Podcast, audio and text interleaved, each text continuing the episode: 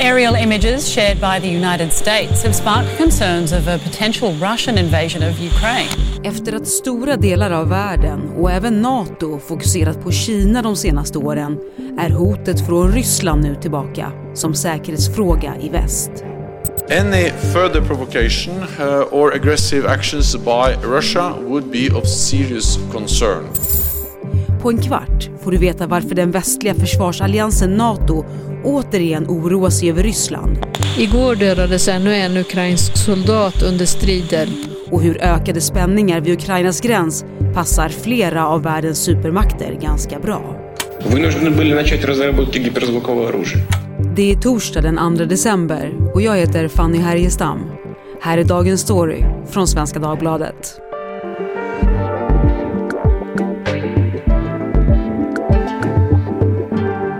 Therese Larsson Hultin, du skriver utrikesanalyser här på Svenska Dagbladet. Therese, vi skulle ju från början göra ett avsnitt och prata om huruvida NATO har spelat ut sin roll. Det blev inte så.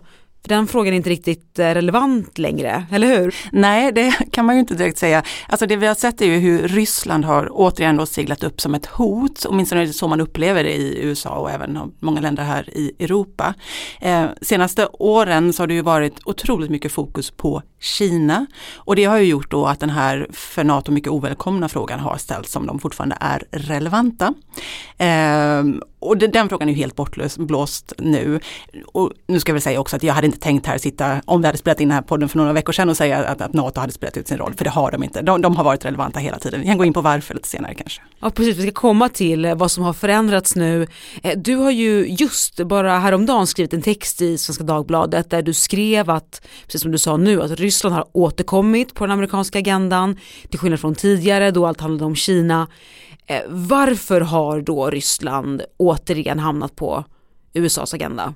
Det beror ju på de här då situationen, dels i Ukraina där vi ser ryska soldater, upp mot 100 000 som står vid Ukrainas östra gräns. Och sen även då att man misstänker att Putin har gett grönt ljus åt det här som vi har sett eh, eh, eh, äga rum i Belarus där ju då flyktingar har förts mot gränsen. Det har gjort att, att, att Ryssland återigen har kommit upp på USAs agenda. Eh, man har inte riktigt tagit i Washington Ryssland på allvar på de senaste åren. Man har sett Ryssland som en, en föredetting, någon som kanske som gapar högt men inte har så mycket muskler.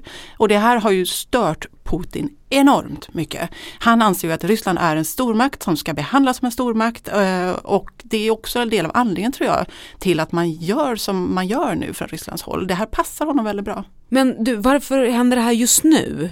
Ja, men vi ser ju just nu hur världskartan ska vi inte säga, men hur, liksom, hur, hur världsordningen håller på att ritas om.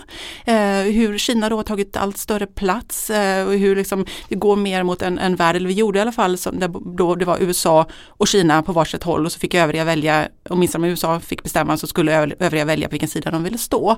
Eh, och där försöker ju då Ryssland ta plats. Som jag var inne på precis nyss, så som Putin är ju inte nöjd med den bilden. Ryssland ska också vara där uppe med de två andra. Han vill ju se en värld där det är tre stora makter. Och hur allvarlig är den här situationen skulle du säga? Det här som händer nu vid gränsen? Ja, men den är allvarlig, den är oroande eh, och det hör man också från, från liksom både från USAs utrikesminister, utrikesminister Antony Blinken och Jens Stoltenberg, NATOs generalsekreterare och så här. NATO remains uh, vigilant. Uh, we are monitoring uh, the situation very closely. Eh, det ska också påpekas, alltså och det gör ofta att man vet ju inte vad Putin vill. Det sägs ganska ofta att nej, han kommer inte invadera eh, Ukraina för att det skulle kosta honom alldeles för mycket och han vet om egentligen att, att, att NATO och USA liksom är så mycket starkare militärt. Det skulle bli så honom dyrt även ekonomiskt med sanktioner och så vidare. Samtidigt så ska man ju också säga att nej men ingen trodde att han skulle gå in liksom, och ta Krim 2014 så att vad Putin tänker vet ju nog bara Putin själv och några till. Och om vi kikar då på de tre supermakterna rent militärt här, om vi liksom lyfter blicken, USA, Kina, Ryssland. Hur skulle du beskriva deras inbördes relationer? Mm. Ja, men där har ju då USA fokuserat på Kina eh, som, eh, och det har ju varit den stora fienden. Eh, Ryssland då inte så mycket på senare år. Ehm, man har ju liksom snarare så här på 90-talet så var man lite mer välvilligt inställd till Ryssland och ville hjälpa Ryssland efter, efter kalla kriget från USAs håll. Ehm, Medan då Ryssland Och Kina, Xi och president Xi och president Putin har ju funnit varandra i någon form av liksom ohelig allians där. Inte en riktig allians, inget formellt, men de, de kallar varandra för bästa vänner. Eh, de har nu under hösten och liksom i somras tror jag också genomfört olika militärövningar, vilket vi aldrig har sett tidigare. Så deras, Kinas och Rysslands relation har ju förbättrats enormt. Det är ju två länder som har haft liksom problem med varandra, det har skavt genom decennierna liksom historiskt. Så det vi ser nu är, liksom, är, är något helt nytt. Men, men jag tror att vi kommer gå mot en värld där det blir mer tre stycken stora makter. From Stettin in the Baltic to Trieste in the Adriatic, an iron curtain has descended across the continent. Efter andra världskriget växte återigen de spänningar mellan Sovjetunionen och väst som redan funnits där efter första världskrigets slut. I takt med att Sovjets inflytande ökade i öst ökade också oron i väst för att Moskva skulle påtvinga hela Europa sin ideologi och auktoritära styre. Så i april 1949 skrev tio västeuropeiska länder samt USA och Kanada på en överenskommelse, Atlantpakten eller North Atlantic Treaty. The treaty we are signing here today is evidence of the path they will follow. Fördragets artikel 5, den så kallade musketörparagrafen, blev helt central. Enligt principen en för alla, alla för en lovade medlemsländerna att försvara varandra om något medlemsland blir angripet. Två år senare blev försvarsalliansen en fast organisation och NATO var fött. Under kalla kriget var det ett möjligt sovjetiskt angrepp som var NATOs fokus något som ändrades med Sovjetunionens kollaps. Idag har alliansen breddats både i antal medlemmar som nu är 30 och i arbetsform. NATO ägnar sig främst åt olika internationella insatser som till exempel i Afghanistan. Men trots visst samarbete med Ryssland sedan Sovjettiden har misstron mellan parterna förblivit ett hinder mellan öst och väst. Och sen har vi de här länderna, alltså Ukraina och Georgien vill bli medlemmar i NATO. De är inte det idag och det här är känsligt för Ryssland. Varför då? Ja, men det är oerhört känsligt för Ryssland. De har ju velat bli medlemmar länge eh, och det pratades ju ett tag om att de skulle få bli det. Eh, samtidigt så, som man visste i väst att det är en röd linje för Ryssland. Nu finns det en debatt om huruvida väst har varit för, eller om NATO har varit för naivt vad gäller Ukraina och, och Georgien. Att man kanske inte riktigt förstod hur tydlig den här röda linjen var.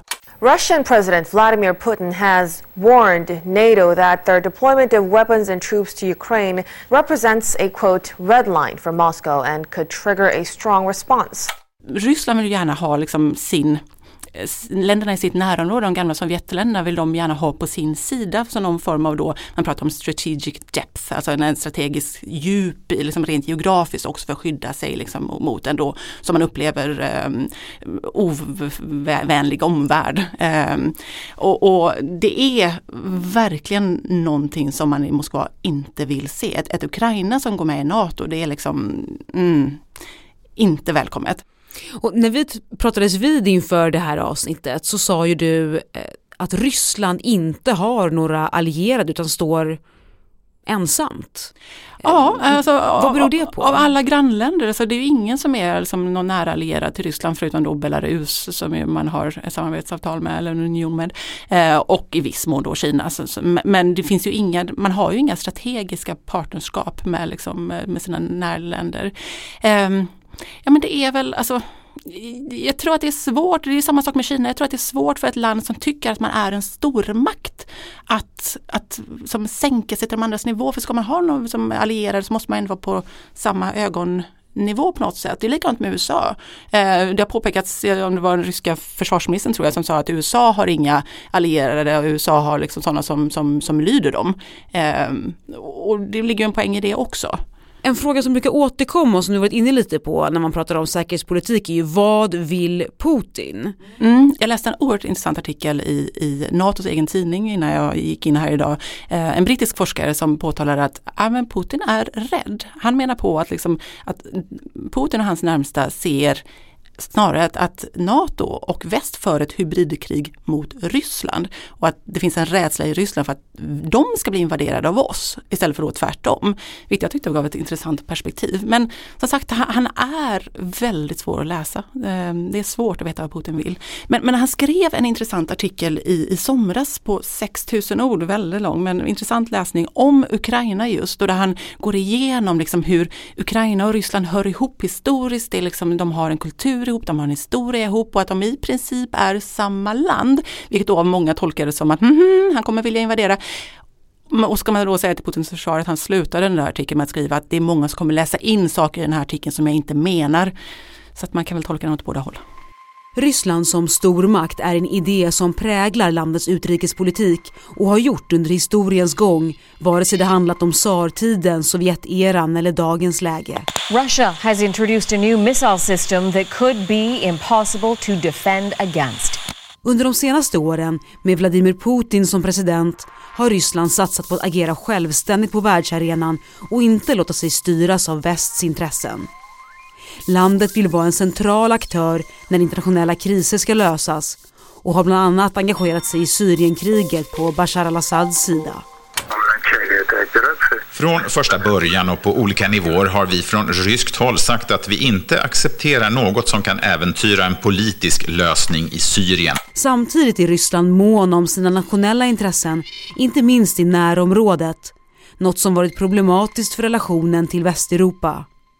Den ryska invasionen av Krim 2014 utlöste den värsta krisen mellan Ryssland och väst sedan det kalla krigets dagar. Military action against Ukraine by forces of the Russian Federation is a breach of international law. Och nu mobiliserar alltså Ryssland soldater längs med Ukrainas östra gräns men tillbakavisar planer på en attack och anklagar istället NATO för att spä på spänningarna. He said NATO's eastward expansion poses a threat to Russia's core security interests, adding the Western alliance could eventually use the Ukrainian territory to deploy missiles capable of reaching Moscow within minutes. Men Therese, i början av avsnittet här så var ju du inne på att NATO förblir relevant. Alltså även nu under den här tiden när det har legat fokus på Kina så har NATO förblivit relevant. Hur då? Jo men det är ju, alltså, det är ju ändå en, en, en viktig allierad. Alltså, det är 30 länder, det är USA och liksom en stor del av Europa. Eh, även om det varit så mycket fokus på Kina så har man varit väldigt tydlig med att, att då behöver ju USA lugn på andra fronter och man behöver ändå säkra upp sig liksom, i Europa. Eh, samtidigt så är ju inte NATO en organisation som numera gör många olika saker. Generalsekreteraren Jens Stoltenberg har sagt att man, man, man fokuserar, man är en, en, regional organisation med ett globalt fokus. Att man då även liksom sysslar med cyberfrågor, cyberhot, um, terrorism, eh, då Kina som man för övrigt nämnde för första gången i NATO-dokument först i december 2019. Så det är ganska nytt att man även fokuserar på Kina. Eh, man ska även liksom klimat, grön omställning av försvar och sådana här grejer. Så att NATO är relevant på flera olika sätt och det har vi ju sett genom liksom, under de här 70 åren som de har funnits så har de ju ställt om flera gånger och förnyat sig och liksom anpassat sig till situationen som jag då även var inne på innan, som, som man gjorde först då efter kalla kriget när man ja, eh, hade insatser och sådär. Så att NATO är ständigt inne på att förnya sig. Och du skrev ju i den här analysen som vi pratade om inledningsvis här också hur de ökade spänningarna vid Ukrainas gräns passar Eh, Eh, inte bara Ryssland och USA men också NATO och Ukraina rätt bra. Hur då? Ja, alltså jag brukar alltid försöka ställa mig frågan, liksom så här, vem tjänar på det här? Alltså när, när man, de säger någonting, liksom, okej okay, vad har de att vinna på det? Eh, och därmed givetvis inte sagt att någon vill ha krig eller så här. Men, men tittar man på det så, Putin kämpar för att få liksom, relevans på världsscenen. Det får han när han blir ett, nytt, ett hot på det här sättet. Ukraina i sin tur vill ju ha hjälp och stöd och liksom, bli intagen i, i värmen i väst och här får de jättemycket uppmärksamhet när de hotas så påtagligt. USA eh, ser hur liksom både Ryssland och Kina har moderniserat sina försvar, eh, liksom utvecklat nya vapensorter, nya kärnvapen. De vill liksom, det blir lättare för oss pengar att kunna modernisera det amerikanska försvaret i det här läget. Plus att man även så här med ett hot från Kina och Ryssland så blir det lättare att säga till de allierade, liksom, okej, okay, står ni på vår sida eller står ni på deras sida? Eh, och NATO får ju då, slipper ju de här ovälkomna frågorna om, om sin relevans. Eh, så, att, så att de har ju på något sätt alla lite att vinna på det här. Eh, och sen så har man ju alla såklart väldigt mycket mer att förlora om det skulle gå för långt. För det kan du göra om, om det sker misstag eller missförstånd eller någonting. Så att vi får hoppas att alla håller sig på mattan. Tack Therese Larsson Hultin för att du var med i Dagens Story. Dagens avsnitt klipptes av Lasse Edfast, redaktör Teresa Stenler von Matern och jag heter Fanny Härgestam. Ljudklippen idag kom från Reuters, BBC, Al Jazeera, SR, Russia Insight, Arirang News och CBC News.